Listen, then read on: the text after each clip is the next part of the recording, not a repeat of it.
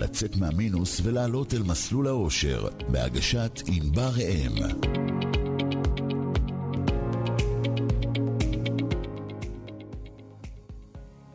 שלום לכולם, צהריים טובים. אני ענבר ראם, אתם מאזינים לתוכנית סקיני מינוס שמשודרת ברדיו סול כל יום חמישי בשתיים בצהריים. למי ששומע אותנו פעם ראשונה, אני יועצת לכלכלת המשפחה, ואני עוזרת למשפחות לעבור ממינוס לפלוס, מהבראה לצמיחה. המטרה של התוכנית להרחיב את הידע הפיננסי ולענות על אתגרים כלכליים שכולנו מתמודדים איתם, אה, ובכלל לדבר על כסף בכל מיני אה, זוויות. השידור מועבר בלייב בפייסבוק של אה, רדיו סול באנגלית, תרשמו רדיו סול ותבואו. אתם מוזמנים לשלוח במהלך השידור הודעות, שאלות, טענות, מענות, כל דבר. ומי שרוצה לדבר איתי בשידור, ניתן להתקשר אה, למספר 03-677-3636, שלוחה 1 או שלוחה 2, ואני אחכה לכם פה.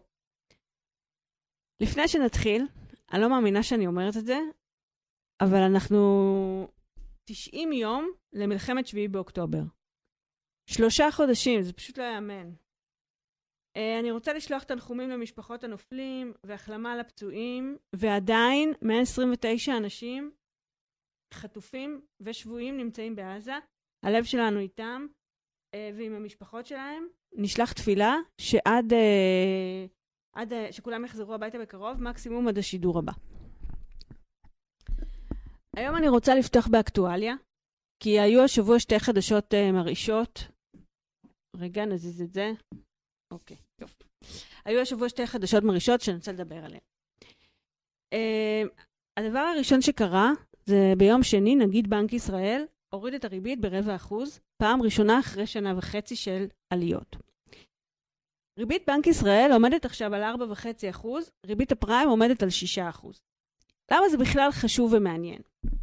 כי זה בעצם משפיע על כל מה שצמוד לריבית הפריים, בסדר? זאת אומרת שזה משפיע על המינוס שלנו, זה משפיע על ההלוואות שלנו, וזה משפיע על המשכנתה שלנו. אה, זה בעצם משפיע גם על ההחזר החודשי של ההלוואות והמשכנתה, וזה גם משפיע על המינוס, אוקיי? עכשיו היתרה, בעיקרון, המינוס שנשלם, הריבית תהיה הרבה יותר נמוכה. אה, וזה משפיע גם על סכום ההלוואה הסופי שנשלם.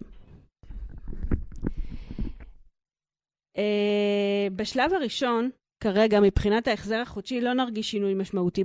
המשכנתה, מי שיש לו משכנתה של משהו כמו חצי מיליון, 600 אלף שקל, אתם תראו אולי שההחזר החודשי יקטן במשהו כמו 50 שקלים. זה לא המשמעות הגדולה. המשמעות הגדולה היא בעצם המהלך, אוקיי? במגמה שהתהפכה. עכשיו, השאלה אם המגמה הזאת תימשך, זה כבר תלוי בהרבה גורמים. מי שלא כלכלן פה, אני רוצה שתבינו שיש פה קשר ישיר בין אינפלציה וריבית. כשהאינפלציה עולה, הריבית עולה, והפוך.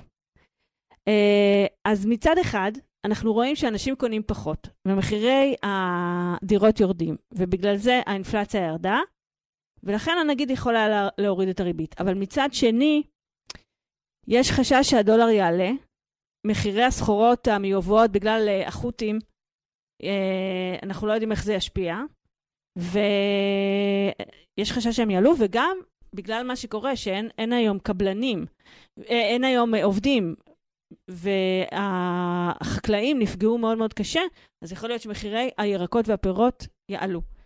ולכן אנחנו לא יודעים לאן, לאן, באמת לאן המגמה תיקח אותנו. ויש עוד משהו ש, ש, שמשפיע על הריבית, וזה ההתנהלות של ממשלת ישראל. זאת אומרת, בנק ישראל מחכה לראות איך היא תנהג. האם יהיה ריסון תקציבי, האם יהיה סגירת משרדים, האם יהיה תקציב אחראי שיוקדש לצמיחה.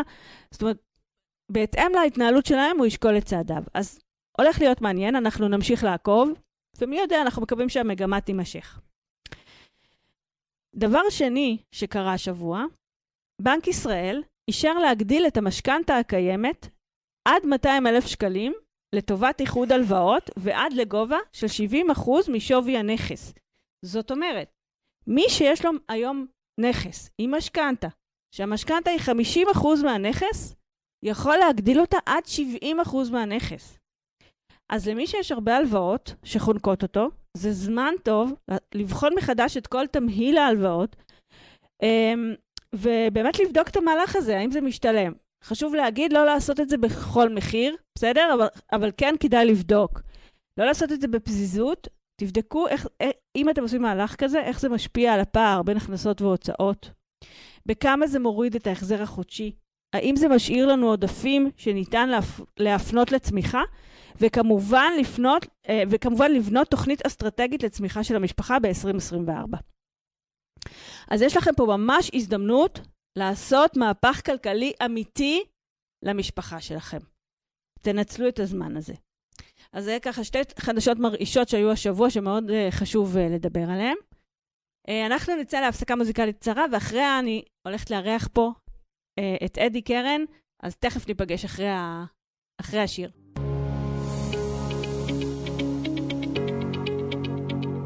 סקיני מינוס, לצאת מהמינוס ולעלות אל מסלול האושר, בהגשת ענבר אם. אהלן אדי. אהלן.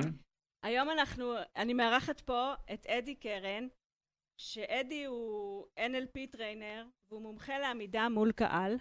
הוא עוזר למומחים בתחומם ולמרצים לעמוד על במות בצורה עוצמתית ומעוררת השראה. שלום. אהלן, מה קורה? אני, אני אפתח בזה שאימא שלי מכריחה אותי להגיד שקוראים לי הדי. הדי. כל פעם, ולא אדי. מה לעשות, זה אימא שלי, פעם אחת היא שמעה אותי באיזה מקום אומר את זה, היא אמרה לי, כל הכבוד לך, כל הכבוד, אני גאה בך. אז אני אמשיך להגיד את זה. הדי זה ההד שלי. יפה. האמת היא שזה, אני תמיד, אה, יש לי בעיה שאני תמיד אומרת, ענבר בלי יוד. אז זה, אני יכולה להבין את זה שאתה הדי. אז אה, הנה, בבקשה. תגיד לי, יקירי, אה, אנחנו מדברים לעמוד על במות, איך הגעת לזה? זאת אומרת, מה, מה, קמת בבוקר והחלטת שצריך לעמוד על במות? מה, מה, מה גרם לך בכלל לבוא לעמוד על במות? אז אני אגיד כזה דבר, אני, אני כאילו לא נמשכתי לשם, אה, או בוא נגיד ברמה האישית כן אני נמשך לשם מאוד בקלות יחסית. אני חושב שאני טיפוס מ, אה, מהבסיס שלו ומהטבע שלו של אחד שהוא תופס מנהיגות, שהוא okay. אוקיי. נמצא בראש ה...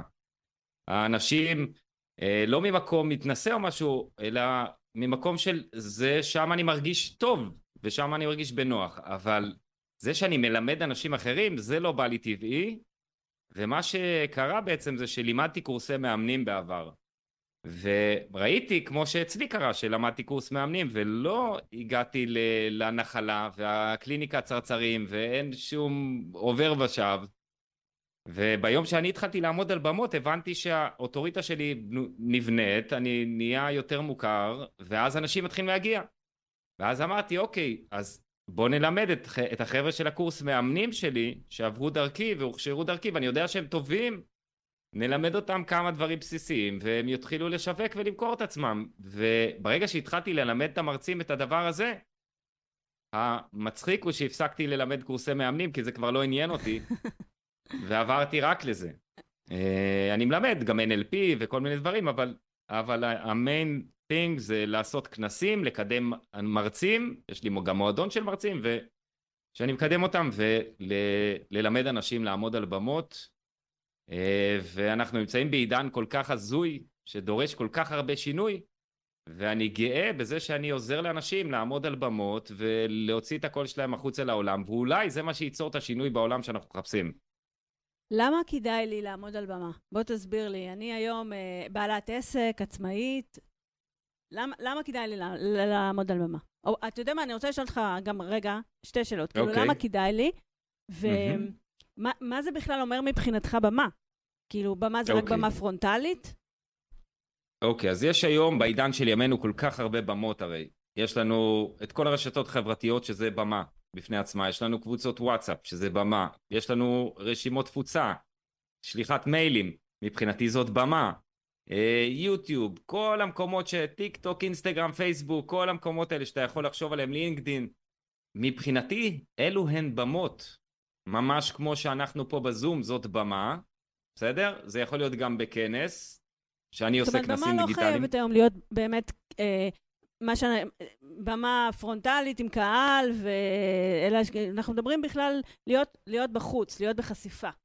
לגמרי, וגם יש בזה את כל הנושא של במות, של לעמוד על, על במה פיזית. היה לי איזה לקוח, סמנכ"ל בכיר של איזה חברת ביטוח שפנה אליי לפני שהוא קיבל את התפקיד ואמר לי שהציעו לו את התפקיד, אבל הוא נורא חושש מעמידה מול קהל, מול העובדים, מול הבורד, מול כל מיני כאלה, ואמרתי לו, אין בעיה, נטפל בפחד קהל הזה, אה, כי אני מבין שיש בו הרבה במות פיזיות, אז עבדתי איתו, אבל יש גם את הנושא של הבמות הפיזיות. אז זה, קודם כל, מה זה במה? זה מקום שבו אתה יכול לבטא את עצמך, להביא את הרעיונות שלך, למכור רעיונות, למכור גם עבור דברים אחרים, עבור uh, תוכניות ליווי, קורסים, סדנאות, בסדר? זה גם יכול להיות, בסדר? בוובינארים נגיד, משהו כזה. אז זה יכול להיות, uh, זאת, זה, זה אלה הבמות, ולמה לעשות את זה? כי כמו שפתחתי מקודם עם הקורסי מאמנים שלי, יש כל כך הרבה אנשים איכותיים, סופר מקצוענים, שאף אחד לא יודע מי הם. חוץ מאימא שלהם, אבא שלהם, וגם זה בקושי. כן. ואני אשאל, ו- וגם זה בספק, אני חייב להודות. לא תמיד גם ההורים יודעים מה אתה עושה, והאחים שלך. כן. תגיד, זה מתאים לכל אחד, לכל, לכל סוגי העצמאים? וכל אחד יכול לעמוד על במה? כל אחד יכול להיות בחשיפה? אז בגדול, על פניו, התשובה היא כן. אוקיי. Okay. התשובה היא כן. ושוב, היום אתה יכול לבחור איזה במות אתה רוצה. אתה יכול בכתיבה, אם החוזקות שלך הם כתיבה, לך על כתיבה. אני לא אומר בהכרח תעמוד על במות כמוני, אני או כמוך. אני אישית חושב שיש לזה המון המון ערך מוסף גם לעמוד על במות פיזית, שרואים אותך שאתה מדבר, אבל אני יודע שיש גם אנשים שוואלה, לא, לא קל להם להתבטא נורא בקלות, בסדר? הם נורא כן. טובים, יש לי חבר טוב, הוא מעשה, מטפל בילדים גם מאוד מאוד טוב, אבל ברמה ה... אה, אה, בוא נגיד ש, שכשהוא עומד מול קהל, אז יש לו באמת קושי מאוד גדול לבטא את עצמו, ואני מכיר לא מעט מטפלים כאלה. אז זה בן אדם, אבל שאולי יכול לבחור במה של כתיבה. סבבה? Okay. אוקיי. אבל אני באמת חושב, וראיינתי בפודקאסט שלי, אה, מוזמנים להאזין פודקאסט שנקרא עוברים לקדמת הבמה. לפני יומיים, היום העליתי את הפרק, בחור שיש לו טורט, תסמונת טורט, שבורחים לו כל מיני דברים פתאום, ו... ו הוא צועק פתאום, או שיכול לנבוח פתאום, או כל מיני כאלה, והוא היום מלווה בני נוער, והוא עושה הרצאות וסדנאות והולך לארגונים, והוא עומד על במות. מדהים. אז אם הוא יכול לעשות את זה, אז אני חושב שכל אחד יכול לעשות יכול. את זה. אתה זוכר את הפעם הראשונה שאתה עמדת על הבמה? איך הרגשת? אני זוכר שכשהיה לי בעברי עגלות בארצות הברית, אז אה, דוכני קוסמטיקה, היה לי כמה, היה לי חברה עם עוד שני שותפים והיה לי איזה 20 עובדים, אז שמה, זה, אלו היו מעמדים שהייתי צריך לעמוד מול העובדים ולעשות אה, מין סדנאות העצמה נקרא לזה, עוד לפני שידעתי מה זה קואוצ'ינג אפילו. ואני זוכר שאני נורא נורא נורא נבהלתי מזה וחששתי מזה והיה לי פחד קהל ממש. אז זה במה לא רשמית נקרא לזה, אבל כשהתחלתי ממש ל- ללמוד קואוצ'ינג ואחרי זה להתחיל לרצות לעמוד על במות, אז, אז נזרקתי למים ודרך חברים השגתי את הבמות הראשונות שלי, שהבמה הראשונה הייתה מול חבר'ה של בנק לאומי, וזה היה די מפחיד, בוא נגיד ככה. אבל uh, אתה צולח את זה, ואתה מבין שכל במה יש לה את הכבוד שלה, לא משנה מה הגודל שלה, יש גם את היום של אחרי. ואם אתה מבין שזו דרך חיים, אז לא נורא, גם אם לא היית הכי טוב בפעם הראשונה או השנייה, וגם אם יש לך נפילה בפעם המאה, וגם היום, שיש לי המון ניסיון, יש לי נפילות. תספר לנו נפילה אחת. תספר, תספר לנו ככה אנקדוטה. אתה מוכן אה, לחשוף איזה... דווקא לא את ההצלחות, כי, כי הצלחות נורא קל לספר, אבל איזה משהו ש... שהיה לך קשה. אז אני אגיד, הנה, היה לי מעמד לא קל. אה, שדווקא עכשיו, לאחרונה, אה, לפני איזה חצי שנה, משהו כזה, היה לי איזה מעמד שאותי נורא הפחיד, שעשיתי כנס בסיני עם חבר'ה מרצים, כל אחד מהטופ של המרצים פה בארץ, שאני ליהקתי אותם נקרא לזה, וגיבשתי איזה קבוצה, ואמרנו בוא נעשה כנס בסיני, ואמרתי בוא נעשה איזה מפגש מקדים. וכשאני נכנס למפגש שאני אמור לנהל אותו, ואני אמור להיות שם זה שמריץ את העניינים, אני מסתכל על האנשים האלה ואני אומר, וואו, כל אחד פה הוא בן אדם מדהים, יש להם עסקים מדהימים, מי אני קטונתי? והייתי ב blackout והייתי ממש באיזה overwhelming, ומה שעשיתי, בגלל שזה היה כנס אה, תודעתי, אז אמרתי להם, כדי שאני אוכל אה, ככה להיכנס ל vibe שאני רוצה להיות בו, אמרתי להם, חבר'ה, מי רוצה להעביר איזה מדיטציה שבואו נתכנס ונהיה ברגע? ואיזה מישהו לקח את המושכות ו- ועשה מדיטציה, וככה קצת התעשתתי על עצמי, ו- וזה ממש נתן לי center, אבל uh, בסדר, עוברים את זה, ושוב, היו לי מלא הרצאות שהייתי בינוני מאוד בהן. לא הייתי גרוע, אבל הייתי בינוני, ואמרתי לעצמי בסוף ההרצאה, איך הם נשארו עד הסוף? אני הייתי פורש באמצע. אני אגיד לך מה אני למדתי. אני למדתי. רגע, אני רק, אני רק אשלים no, את no, המשפט, כן, כן. שבסוף הדבר הזה, דווקא כשלא הולך לי, אז אני טופח לעצמי על השכם הכי הרבה, כי אני אומר לעצמי, בואנה, איזה אלוף, שהצלחת לצלוח את הדבר הזה ביום לא טוב שלך, והימים שאני נורא במיטבי, אני כאילו אומר, אוקיי, סבבה, אחלה, כל הכבוד לך, אבל בינינו זה לא הגדולה. אז אני רוצה להגיד לך ש, שמה שאני למדתי לאורך השנים, שגם אם יש לי יום פחות טוב, או גם אם אני כאילו לא מאה ולא אומרת את הכל, הצד השני לא יודע מה אני הולכת להגיד. אז מבחינתם, גם אם אמרתי 80% ממה שרציתי להגיד, הם לא יודעים מה, מה התכוונתי להגיד מראש, אז, אז אני נותנת לעצמי הנחה בקטע הזה. והרבה לגמרי. פעמים, השאלה, אה, אני, אני יודעת שבימים לא טובים שלי, אני הולכת הביתה אחר כך ואני אומרת, אוקיי, יש, לא הצליח, מה אני עושה בפעם הבאה? יותר טוב שכן יצליח. אז השאלה אז... אם גם אתה עושה את זה לפעמים.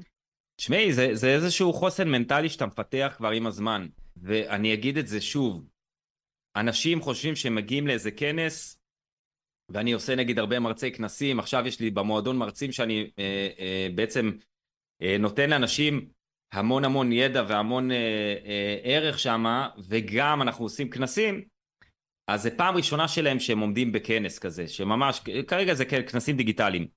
והם כל כך מתרגשים, ואם לא הלך טוב, הם מתרסקים. ואני אומר להם, חבר'ה, בינינו, גם אם זה יהיה הכי טוב בעולם, עמדת, בוא נגיד שעמדת מול אלף איש, שזה לא המקרה. עמדת מול מאה איש, מול מאתיים איש, בסדר? בכנסים האלה, בלייב. בוא נגיד והיית גרוע, או, או שהיית מעולה, בוא נלך על המעולה. זה ישנה את חייך? אתה באמת חושב שהרצאה אחת שתיתן שהיא טובה תכניס לך מיליון שקל לחשבון הבנק עכשיו? כאילו זה יהיה ההשלכה של זה? התשובה היא לא. ככל הנראה לא. ברוב המקרים לא. ואותו דבר אני אומר לעצמי בימים שהם לא טובים. אז גם אם 200 איש מחקו אותך, שזה גם לא המקרה. בטח, לא יודע מה, היית גרוע, 30% מהאנשים אמרו היה גרוע. נגיד, וגם אני מקצין פה. נכון. בסדר? אני מקצין. אז אני אומר, אז 30 אנשים או 60 אנשים מתוך 200 יצאו ואמרו, וואו, ענבר היום הייתה לא משהו. בסדר? היה על הפנים. אז הם מחקו אותך, מה, הם ילכו עכשיו וישימו שלטים בחוצות העיר? מה יקרה, השמיים יקרו, מה יקרה? אז לומדים לפעם הבאה. אז אני חושב שזה מין חוסן מנטלי כזה שאתה צריך להבין שהעבודה היא תמיד תמיד תמיד לאורך זמן וזו דרך חיים, זה לא one time. נכון. איזה תכונות אתה חושב שצריך כדי לעמוד על במות? התכונה נאמבר 1? כן. והיא העיקרית והאחת והיחידה נראה לי בעיקר, או, או שתיים נקרא לזה, זה אותנטיות וסנטר, זאת אומרת חיבור לעצמך. זה שני הדברים שאתה צריך בשביל לעמוד מול קהל. כל השאר זה בונוס. זאת אומרת, אני, יש לי המון טכניקות, יש לי המון טקטיקות, יש לי המון דברים שאני יודע לעשות. אני רוצה, אם אני רוצה לרגש עכשיו, אז אני אדבר יותר בשקט, יותר לאט, ויגיד את הדברים לעומקם.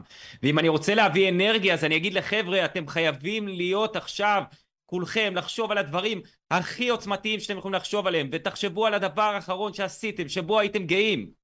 אז זו טקטיקה, זו טכניקה, בסדר? Mm-hmm. או אם אני רוצה ליצור איזו סקרנות, אז אני אצור פאוזה. אבל אלה דברים שאתה לומד והם סוג של איזשהו צבע שאתה מביא לעצמך, אני יכול ללמד נגיד storytelling, איך לספר סיפור כמו שצריך, אלה דברים שהם יגבירו את המגבר שלך מה שנקרא ויעשו אותו יותר עוצמתי, אבל הדבר הכי עוצמתי שאין שני לו זה שאנשים מרגישים שהם רואים אותך ושאתה מחובר לעצמך וזה ייצור את ה impact הכי טוב ואתה לא צריך להיות לא כמו אנטוני רובינס, ולא כמו, לא יודע מה, אה, אה, אה, אלון אולמן, או ניר דובדבני, או לירון מור, או עדי קרן, בשביל להצליח. אתה צריך להיות אתה. ואפשר ללמוד אותנטיות? אתה חושב ש, שבן אדם יכול ללמוד להיות אותנטי? אני חושב שזה עניין של... זה האתגר הכי גדול uh, לאנשים. Uh, לא יודע אם זה האתגר הכי גדול, אני חושב שזה אחד האתגרים, ואני חושב שאחד האתגרים זה באמת במעמד של עמידה מול קהל שאתה מתרגש להיות מחובר לעצמך. זה אולי אתגר, אבל אני חושב שיש המון המון דברים שאתה יכול לעשות כדי ליצור לעצמך איזשהו שקט פנימי ואיזושהי הרמוניה. זה יכול להיות לחלק אנשים ללמוד את התוכן כמו שצריך, ולדעת את התוכן שאתה הולך ללמד, ואז כשאתה בטוח בתוכן שלך, שזה רוב האנשים אמורים לדעת. הם אמורים לדעת, וגם אם לא, אז אתה לומד תוך כדי תנועה. והחוכמה היא גם כשאתה לא מוכן פרפקט, עדיין להיות מחובר על עצמך. אה, ושוב, זה עניין גם של ניסיון, כי ברגע שאת, ואמרת את זה, אנשים לא יודעים מה אתה הולך להעביר, הם, הם רואים מה, מה הם קיבלו, מבחינתם זה היה מאה אחוז. נכון. וברגע שאתה יודע את זה, שזה מה שהם יבינו ויקבלו, אז זה מאוד מאוד מאוד מרגיע, בסדר? ואז זה עוזר מאוד להתחבר ל, ל, ל, ל, לרוגע ולשלווה, בסדר? וברגע שאתה מצליח להיות במקומות האלה ולהבין את זה, ו, ושוב, זה דורש גם ניסיון, אז אני חושב שזה הרבה הרבה הרבה יותר קל להיות אותנטי, להיות רגוע, וגם פה יש עוד פעם טכניקות, יש אנשים שיעשו מדיטציה לפני, יש אנשים שיקפצו על טרמפולינה או שישמעו שיר מאוד מאוד אה, אנרגטי כדי להתחבר לחוזקות שלהם וכל אחד שיעשה מה שטוב לו ואפשר גם וגם. כן, נכון, יפה. סקיני מינוס, לצאת מהמינוס ולעלות אל מסלול האושר, בהגשת ענבר אם. חזרתם אלינו, תודה רבה, אנחנו עם עדי קרן. אה, פעם אמרתי נכון. יפה, אימא שלי תהיה גאה בך. תהיה גאה. אנחנו לא יכולים להתעלם מהתקופה שאנחנו נמצאים, ואנחנו שלושה חודשים למלחמת שביעי באוקטובר. זה פעם שנייה בשלוש שנים שהרבה בעלי עסקים נתקעו, כאילו, בלי, בלי הכנסה, בלי עבודה. אוקטובר היה פשוט הכל מת. רציתי לשאול אם גם אתה מצאת את זה, אם זה קרה לך גם, אם מצאת את עצמך ש, שגם אצלך זה היה, ואם זה היה ככה גם בקורונה. מה, איך, כאילו מול הקורונה, מה היה לך שם? אז uh, אני חושב שזה משהו אחר לגמרי. הפעם? איפשהו. מאוד דומה, אבל מאוד שונה, ואני אסביר למה. בעידן של הקורונה היה משבר מאוד מאוד מאוד מאוד גדול. וזה גמר לי את העסק. וגמר להרבה אחרים. למה זה קרה? כי הרבה בעלי עסקים כמוני עבדו פרונטלית. אוקיי. Okay. ורק פרונטלית. ואז מה שקרה, לקח לי לפחות, אני לא יודע מה לאחרים, חצי שנה עד שהתאפסתי על עצמי והבנתי, אוקיי, מה אני צריך לעשות, ו- וגם את ה- לגדל את האומץ ו- ולהתחיל לייצר את הדבר הזה, שזה יכול להיות קורסים דיגיטליים ו- וכל מיני דברים כאלה. וזומים ועניינים. זה היה לך משבר? לי היה חצי שנה של השתבללות, דיכאון קליני, מה שאת לא רוצה היה לי שם. ממש. זה היה לי סיוט כי הייתי אה, fully booked איזה ארבעה חודשים קדימה. באמת, חמש הרצאות בשבוע, משהו כזה. והכל נעצר בקורונה. הכל נמחק לחלוטין, לחלוטין, וזה גרם לי מאוד מאוד מאוד אה, להיכנס למקומות לא טובים. ואז התחלתי אני, במקרה שלי, לייצר כנסים דיגיטליים. בסדר? אני התאפסתי לעצמי אחרי חצי שנה והתחלתי לייצר כנסים דיגיטליים, אבל מה שקרה הפעם זה שאנחנו כבר, אה, מעבר לשוק הראשוני, אז אני חושב שלהמון המון אה, אה, בעלי עסקים כבר יש איזושהי תשתית, הייתה כבר איזושהי תשתית, כולל אני, נכון. עם תשתית דיגיטלית, ואז כי בשנים האלה, פה... גם, גם, אם, גם, אם היה, גם אם אתה לא 100% ב, ב, ב, בדיגיטלי, אז אתה היברידי. זאת אומרת, יש גם כנסים אה, פרונטליים וגם זום. כאילו, אתה חייב להיות... אה... אז אני אומר, אפשר, אפשר להיות אה, היברידי, אבל מה שאני אומר, במקרה הספציפי של מה שקרה עכשיו באוקטובר, זה עניין מנטלי בעיקר. תמיד זה מנטלי. זה לא, זה, לא, אבל בפעם הקודמת זה גם היה עניין של אה, הרבה אנשים צריכים לפתח עכשיו מערכת חדשה, זאת אומרת, הם צריכים ללמוד מערכות חדשות, להכניס אותם, לצלם, להקליט, או, או, או בכלל לדעת איך לעבוד עם הזום. היו לי אנשים שגם אני לא הכרתי את הזום כל כך אז בתקופה ההיא. נכון. ועכשיו זה היה עניין בעיקר מנטלי, שאני לא מדבר על חלק עסקים. נגיד אם אתה עסק של תיירות, אז כן, מן הסתם אתה, לא יודע מה, אתה מורה דרך פה בארץ, ועכשיו אין אף אחד שמגיע לארץ, אז כן, אז אין לך עסק, נכון, זה אני מסכים. אבל בוא ניקח מאמן, מטפל, יועץ, כל מיני אנשים כאלה, אנשים שהם יועצי משכנתאות, יועצים כאלה ואחרים, מלווים כאלה ואחרים. יש לך את המערכות, העניין הוא האם אנשים ירכשו או לא ירכשו, ויש הרבה אנשים שבעיקר אה, מנטלית נפגע להם העסק, מסעדנות נפגע תמיד, כן. בכל מצב. אני, היה לי מסעדה בעברי, אז אני יודע את זה. אה, לשמחתי היום כבר אין, אבל אה, אז יש עסקים ש, אה, שהם מאוד נעצרו ויש עסקים שהם נעצרו פשוט ברמה המנטלית ו, והם אמרו אוקיי מה אני עושה? מותר למכור, אסור למכור, מותר לשווק, אסור לשווק, זה לגיטימי, זה לא לגיטימי, היה על זה שיח מאוד מאוד גדול והרבה אנשים שהעלו פוסטים אז נכנסו בהם, אמרו מה אתה מוכר? מה קורה? אתה לא ראית שמתו פה איזה אלף איש? כן. מה העניינים איתך? אז אני חושב שזה עניין מנטלי ואני יכול להגיד שבמקרה שלי אני ב... אה, קודם כל הקורונה, אחרי שיצאתי מההשתבללות, מינפה לי את העסק בצורה מטורפת, בגלל שהתחלתי לייצר מערכות ו... ודרך חדשה, שאני לא תלוי באף אחד, אלא תלוי רק בעצמי. ופה, במקרה הזה, אני חושב שדווקא עסקים כמוני, יש להם הזדמנות מאוד מאוד גדולה, כי אנשים עכשיו כן צריכים את החיבור, כן צריכים את העזרה, כן צריכים את, ה... אה, את המי שיתמוך בהם, ואני, עוד פעם, אני חווה איזושהי דווקא סוג של, נקרא לזה פריחה אה, בעסק שלי. אני לא אגיד שאני לא עצוב, אני לא בדאון לפעמים, והיו לי ימים קשים מאוד, אבל אה, אני חושב שאני ו- וכל מי שבאזור שלי, שאני עוזר לו ו- ונמצא בהדרכות סדנאות שלי, כנסים שלי, הוא רואה שאנחנו מבינים שחייבים להתקדם קדימה, ועדיין להיות עצובים, זה בסדר. אי אפשר להתעלם מזה שזה לא סתם, שזה לא... שקרה פה משהו באמת גדול, ויש פה אבל לאומי, וכל יום גם מתים עוד חיילים, ו- וקורים פה המון המון דברים. זאת אומרת, אי אפשר להתעלם מה- מהמצב רוח הכללי. אני, אני, אני דווקא בגלל שאני לא מתעלם ממנו, כן. אני חושב שהחובה שלי, לעסק שלי קוראים אה, מנהיג על הבמה, לשיטה שלי קוראים מנהיג על הבמה. כן. אני חושב שאנחנו חייבים להנהיג אנשים אחרים ולעזור להם, ודווקא בעת הזאתי, ואת יודעת מה? מה שהכי תמיד אני, כאילו זה, זה קצת מכעיס אותי, כן? אבל מי שלא יתאפס על עצמו עכשיו, זה לא שעוד חצי שנה תבוא המדינה ותגיד לו, אה, לא התאפסת? היה לך, אתה, אתה היית עצוב? אח שלי, קח 40 אלף שקל, בוא בבקשה. לא, אתה עדיין חייב להביא את הכסף הביתה, יש לך ילדים, יש לך משכנתה, יש לך, אה, אתה יודע, צריך לקנות מצרכים, אתה צריך לשלם דלק. לגמרי. אז, אז יש... אין לך את, ה, את הזכות אפילו להיות בעל עסק עצוב.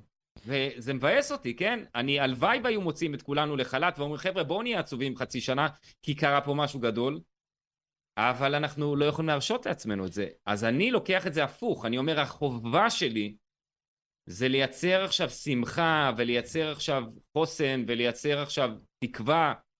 ואז בזכות הדבר הזה לעזור לאנשים אחרים להרים את האף מעל המים ושיגמר פה כל הדבר הזה. אנחנו עדיין נהיה עצובים עדיין נהיה כואבים אבל שכל אחד ישפיע בדרך שלו ויעשה את הכי טוב שהוא יכול. סתם לצורך העניין דוגמה.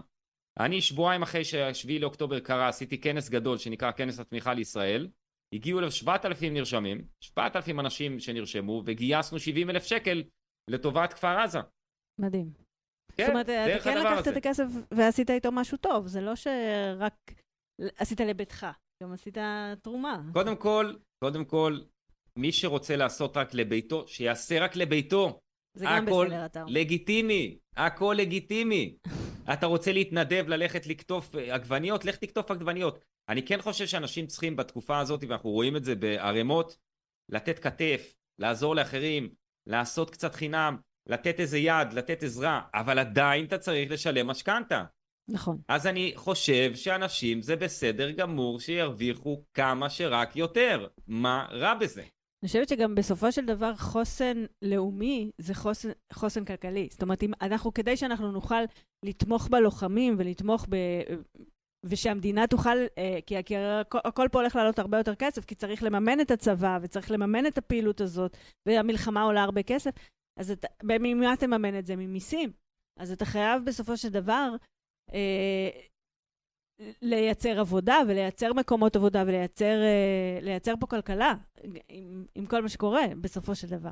את יודעת מה? אני אספר סיפור. יאללה, בסדר? סיפורים אני אוהבת. סיפורים, סיפורים זה הכי טוב. נכון. יותר טוב מכל השטויות שאנחנו מדברים. נו, קדימה. Uh, הנה, אפרופו עמידה מול קהל, אנשים לא יזכרו מה לימדת אותם, יזכרו איך גרמת להם להרגיש. נכון, מסכימה. אוקיי, אז אחרי שעברנו את זה, בואי סיפור. אני מצלצל, אה, הייתי באחת ההלוויות של חברה טובה שהבת שלה נרצחה בנובה. לצערי. ואז אני מגיע להלוויה וזה, ו- ואני רוצה להגיד שלום, את יודעת, אתה רוצה ל- לבוא, להראות שהיית שם, להראות שאתה תומך, כי שם, היו שם איזה אלף איש בהלוויה כן. הזאת. אמ, ואני רואה את התור שיש לאותה אימא, ואני אומר, בוא'נה, יש לי פה 40 דקות לפחות, מה נעשה? בוא נרים טלפונים בזמן הזה. אמ, ואני עומד בבית קברות, מרים טלפון לדניאל קישינובסקי, אה, מי שעושה את גברת רביע, מי שלא ראה את גברת רביע, שירוץ לראות אחרי השידור הזה ביוטיוב, ביוטיוב את גברת רביע. זה בחור שעושה אה, בדמות של אישה זקנה, עושה ליווי, אה, אה, ייעוץ זוגי. ייעוץ זוגי, ראיתי. והוא אל, אלוף עולם, אלוף yeah. עולם. אני מרים לו טלפון, בגלל שקיבלתי עליו המלצה, ואמרתי לו, אהלן דניאל, שמי ידי, אני כך וכך, אני עושה איזה כנס, דווקא להרים את המורל, ושמעתי לך דברים טובים, אני רוצה שתבוא לזה. לכנס הזה, להרצות, זה היה כנס דיגיטלי. הוא אומר לי, תשמע, מעולם לא הייתי בזום, אני לא מכיר את העבודה הזאתי, העסק שלי התרסק לחלוטין, כמו בקורונה שלי קרה, אין לו הזמנות, אין כלום, ביטלו לו את כל ההזמנות. זה בן אדם שמופיע כמעט כל יום על במות גדולות, ואני מרוסק פה על הספה, אני ואשתי, גמורים לא יכולים לזוז. לא, אין לי מה להגיד. אין לי מה להגיד. מה תביא אותי לכנס, שאני אבאס את האנשים? אמרתי לו, דניאל, תשמע, אני מאוד מכבד אותך על זה, ואני, אני, מה שתגיד זה בסדר. ו... אבל אולי זה דווקא יהיה דרך להרים את עצמך. ואשתו שמעה את זה ככה, והיא אומרת, כן, דניאל, אולי נדבר על זה, אולי נעשה את זה. בקיצור, הגיע לכנס, to make a story, long story short. long story short, כן. הגיע לכנס, והדבר הזה, את לא מאמינה מה זה עשה לו לעסק. הוא, אחרי הכנס הזה, הוא פתח קבוצות וואטסאפ. נרשמו לכנס 7,000 אנשים, מתוך האנשים האלה חלק האנשים הגיעו, ראו אותו שם, התלהבו, נכנסו לקבוצות וואטסאפ שלו, הוא התחיל לעשות כל פעמיים בשבוע אה, הופעות בזום, שהוא מעלה אנשים מהקהל לה, ועושה להם ייעוץ זוגי כזה, וכל ערב כזה הוא מכניס בין 3,000 ל-5,000 שקל. מדהים. והכל בדנה, כאילו שימו כמה שאתם רוצים בסוף ההופעה. וזה, הם צלצלו להגיד לי, הוא ואשתו, הם צלצלו, אני בדיוק היום דיברתי איתם, הם צלצלו להגיד לי תודה, אתה לא מבין איך שינית לנו את כל התקופה הקרובה, והם עד עכשיו עושים כל, פעמיים בשבוע, שני ערבים כאלה שהם כל יום כזה מכניסים כסף, ומשמחים מאות אנשים. מדהים. כל זום שלהם מתפוצץ. אז תחשבי איזה כיף זה לדעת שאתה נמצא ואתה יכול כאילו לשנות לבן אדם את החיים, ו... ומה זה בעצם ש... אומר? שהבן אדם היה צריך לצאת מאזור הנוחות שלו, לעשות דברים שלא נוח לו, שהוא לא יודע, שהוא לא מכיר, וללמוד דברים חדשים, לפרוץ גבולות, ואז uh, sky is the limit, מה שנקרא, כאילו אתה... אגב, היו לי לא מעט מרצים בכנס הזה, שאמרו לי שהכנס הזה הציל אותם. עזבי את האנשים שאמרו שזה הציל אותם, כי היינו שם שבועיים שלמים, יום, יום, יום, יום, אה, אגב, רצינו לסיים אחרי שבוע, אבל הקהל, שאלנו אותם, אתם רוצים עוד שבוע? כאילו, מה, מה נעשה? גם ככה המצב פה זוועת עולם. גם אין מה לעשות, כן. כן, עדיף לא להיות בחדשות, אז אמרתי להם, טוב, יאללה, עוד שבוע. ועשינו שבועיים כאלה, וגם הייתה שם את שני פרץ קרי ודנה מליניאק, והם כולם אמרו לי כמה זה ברמה האישית של, של מרצה, בתור בן אדם, לדעת שהוא נחוץ והוא חיוני. ואחד הדברים שקרו בקורונה, וקרו גם עכשיו, זה שאנשים לא חיוניים, פתאום, זהו, הם לא חיוניים לחברה. בקורונה זה היה ממש קיצוני. ממש קיצוני, כן. פתאום אתה קולט שאתה לא חיוני. יענו, שב בבית, אתה לא חיוני. לגמרי. שב, אתה, אתה לא חיוני, אתה מפריע בחוץ. אל, ת, אל תפריע לנו. לגמרי. ואז אתה מאבד לא רק את הכסף שלך ואת ההכנסה שלך, גם את הכבוד העצמי ואת הערך העצמי שלך.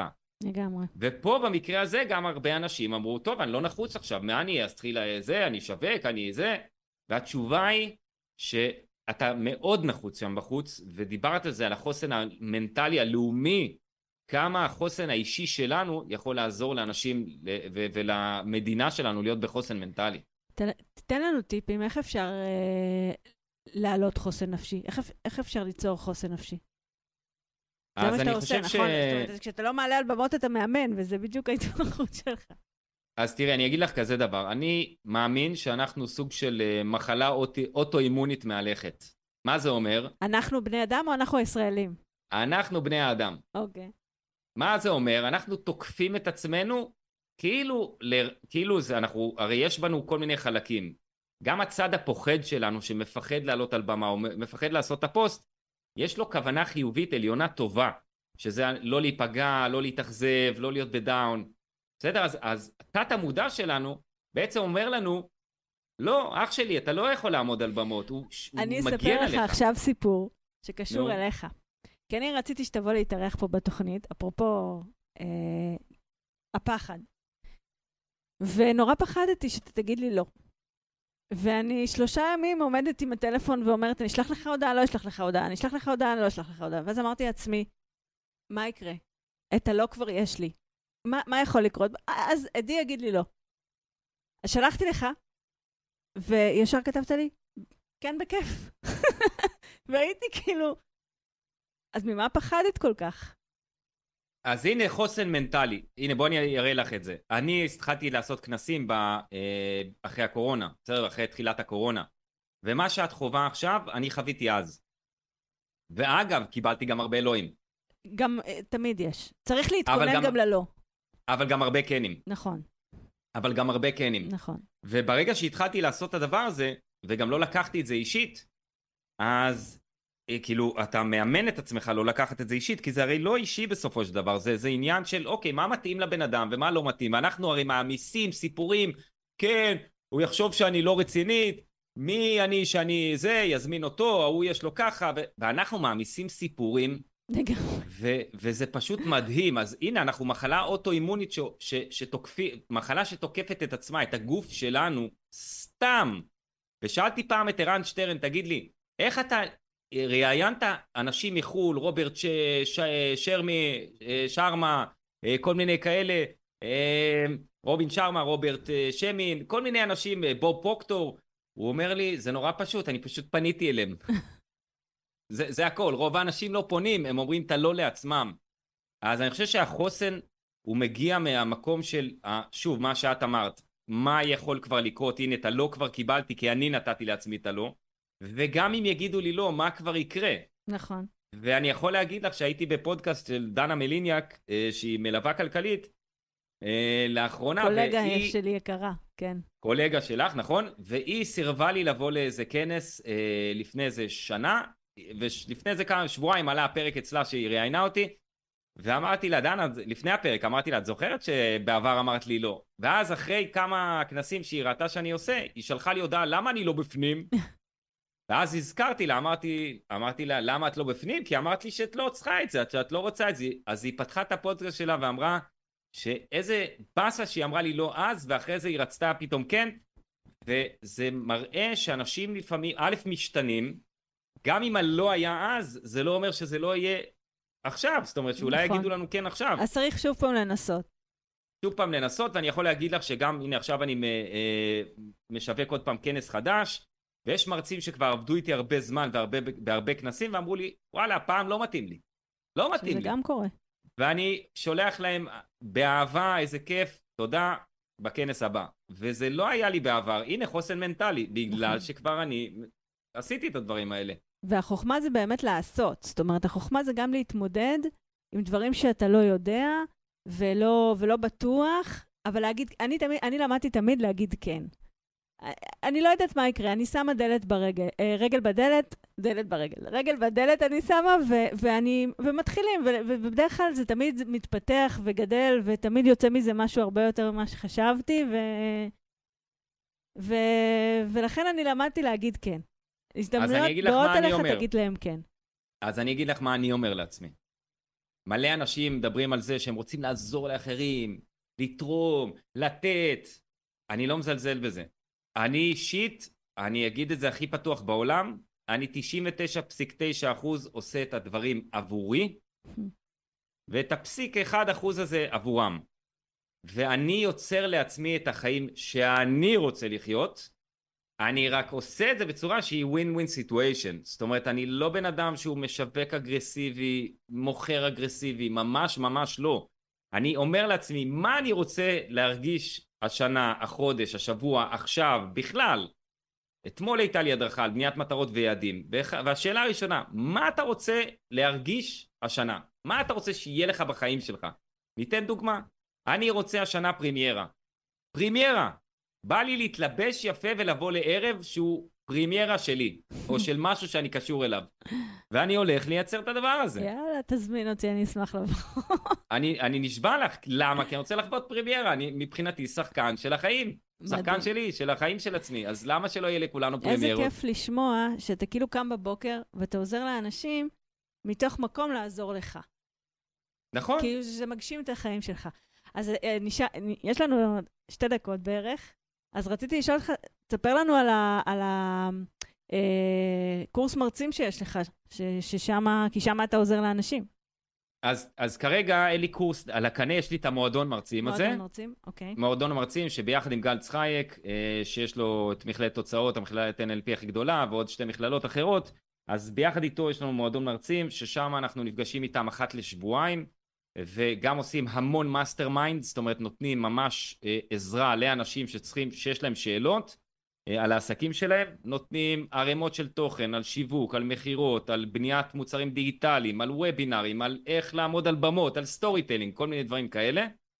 אה, ואנחנו אחת ל... אה, ויש לנו קבוצת וואטסאפ מאוד מאוד שוקקת, וכולם מקבלים מלא מלא מידע אחד מהשני, יש לנו כנסים שאנחנו עושים עבור אותם מרצים, יש לנו פודקאסט של, ה, אה, של המועדון, אז אנחנו נותנים גם במות לאותם אנשים, וגם אנחנו מביאים מרצי, מרצים אורחים אה, שאנחנו מביאים לשם, אז אחת לשבוע או אחת לשבועיים מגיע גם מרצה אורח מאוד גדול, רן שטרן, דניאל בן ארי היה, אה, מיטל פיירבר לוסטיג הייתה, יש כל מיני.